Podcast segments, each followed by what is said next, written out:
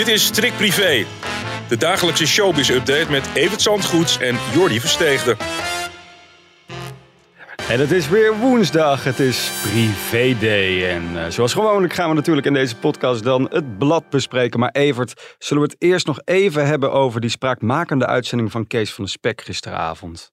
Oh, spoorloos, ja. Het is al een buitengewoon pijnlijke uh, affaire aan het worden. En ja. ook al helemaal als Dirk Bolt, toch het gezicht van dat programma sinds een jaar of dertig, zegt ik ga hier maar eens helemaal niks over zeggen. Ja, als je er niks op te zeggen hebt, dan is dat misschien wel verstandig. Maar het komt wel heel raar over als jij het, het gezicht bent van dat programma. En je pretendeert jarenlang het, het, het leed van mensen te kunnen oplossen. En dat doe je op deze manier. En zo onzorgvuldig in een paar gevallen.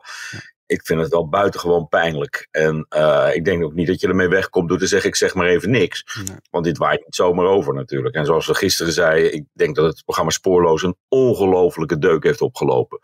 Ja. En dat het dan even tijd is om een pas op de plaats te maken en even van tv te verdwijnen in elk geval. Wij kregen gisteravond, of gisterenmiddag eigenlijk, uh, net na de opname van onze podcast weer een pushbericht binnen dat de KRO en CV voorlopig niet van plan is om dat programma van de buis te halen.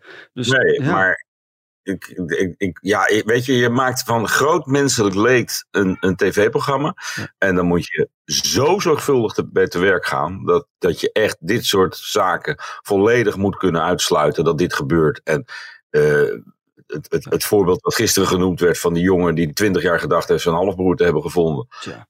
Die dat niet bleek te zijn. Ja, ik, ik vind het echt ongelooflijk dat dit heeft kunnen gebeuren. En dat je je als omroep en als presentator vervolgens verschuilt achter een enkele verklaring. En in het geval van de presentator zelfs achter geen enkele verklaring. Ja, ja dat, dat kan niet. Dit verhaal krijgt echt nog wel een staartje, dat, uh, dat weet ik absoluut zeker. We gaan het over de privé hebben van deze week. Um, Linda de Mol die uh, prijkt daarop, want de vraag is... waarom kan zij nou de laatste tijd maar geen goed doen? Wat is jouw verklaring daarvoor? Nou, ik vond dat vorige week echt dat iedereen viel over die aanslag op, op, op Angela de Jong. Mijn god zeg, het is een comedy-serie en, en daar zit een scène in... waarin, ja, dat is toch aangezet en overdreven en leuk en uh, in ieder geval leuk bedoeld.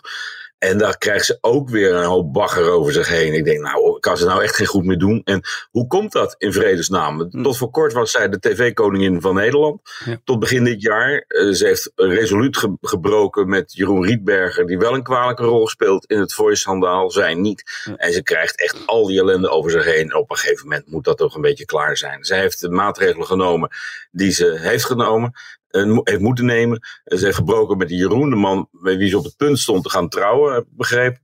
En uh, ja, dat is buitengewoon pijnlijk dat zij thuis zit met een luiken dicht maandenlang. Terwijl ze in feite niks verkeerd heeft gedaan. En zij in die zin ook gewoon een bedrogen vrouw is die, uh, ja, die, die, die hiermee moet zien om te gaan. Ja, nu zullen er mensen zijn, Evert, die zeggen, dat wordt wel vaker over jou gezegd. Ja, maar jij, jij werkt bij Talpa, jij vertegenwoordigt die club. Maar is dat in deze ook zo of voel je dat ook echt zo? Heb je ook echt ik voel dat echt zo. Linda de Mol is een unieke vrouw, een uniek tv-talent geweest. De, uh, mensen zaten te zoeken naar de nieuwe uh, Mies Bouwman, terwijl we al lang Linda de Mol op tv hadden. Dat was de nieuwe Mies Bouwman. En ja. die valt van een enorm voetstuk af, door iets waar ze zelf niks aan heeft kunnen doen. En dan gaan we met z'n allen, vooral de media, de kijkers kijken al lang weer naar miljoenenjacht. Op elke slak zout leggen en zelfs die aanslag op Angela de Jong. Helemaal fileren en ontleden en hoe verschrikkelijk dat is. Dat ze, jongens, jongens, het is een komedie. Mm. En uh, moet ze daar dan ook weer op afgerekend worden? Ja, kennelijk. Nou, ik vind van niet. Maar denk je dat, hè, ze heeft onlangs die column geschreven, daarvan heb je al eerder gezegd, die was niet zo verstandig ja, had ze dat dan moeten doen? Want dat, dat soort draagt er natuurlijk wel aan bij dat mensen zoiets hebben van ja, Linda, zo kan het wel weer even weer.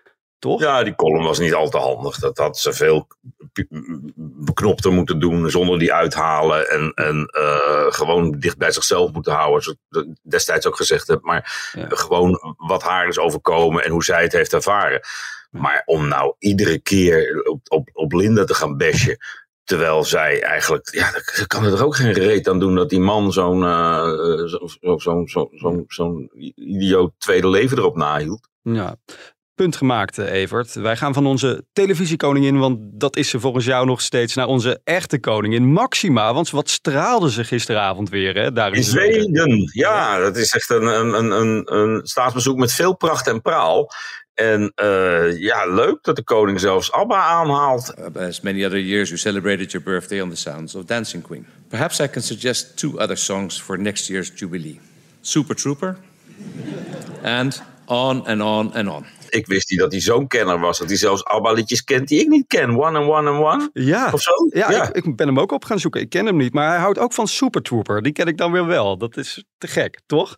Ja, dat hij dat in zijn oortjes heeft. Als hij, uh, in, in onderwerp. Ik vind het echt uh, bijzonder. Ik heb nooit geweten de muziekkeuze van, de, van onze koning. Maar Abba staat hoog op het lijstje kennelijk. Ja, en uh, Maxima droeg een mooie jurk. Maar die had ze wel al eens eerder aangehad. Hè? In India, drie jaar geleden. Dus... Zo laat ze graag zien dat ze, dat ze heel gewoon gebleven is. maar ja, eens in de twee jaar, de drie jaar dezelfde jurk aan trekken. Dat, dat is nog niet heel erg duurzaam, volgens mij. Nee. Maar ze heeft, ja, ze heeft er een handje van om om dingen vaker te dragen. En zelfs uh, die koningsjurk, die heeft ze van tien jaar geleden heeft ze nog een keer gedragen. Dus ja, de, de, de, de, de de, hofdames die daarvoor verantwoordelijk zijn, die houden dat goed bij, eh, denk ik, waar alles gebleven is.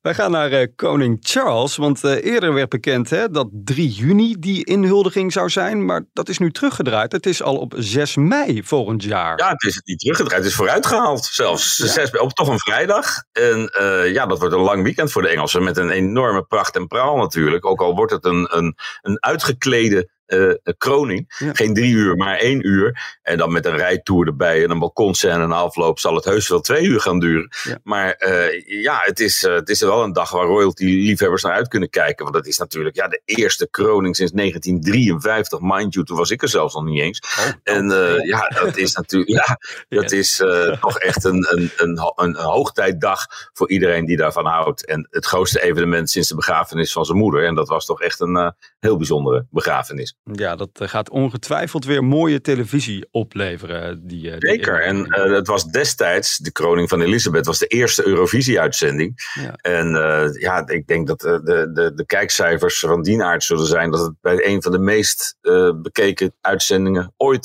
zal gaan horen. Want ja, de kroning van Charles, daar, daar, daar wil je bij zijn natuurlijk. Ook al is het maar op tv.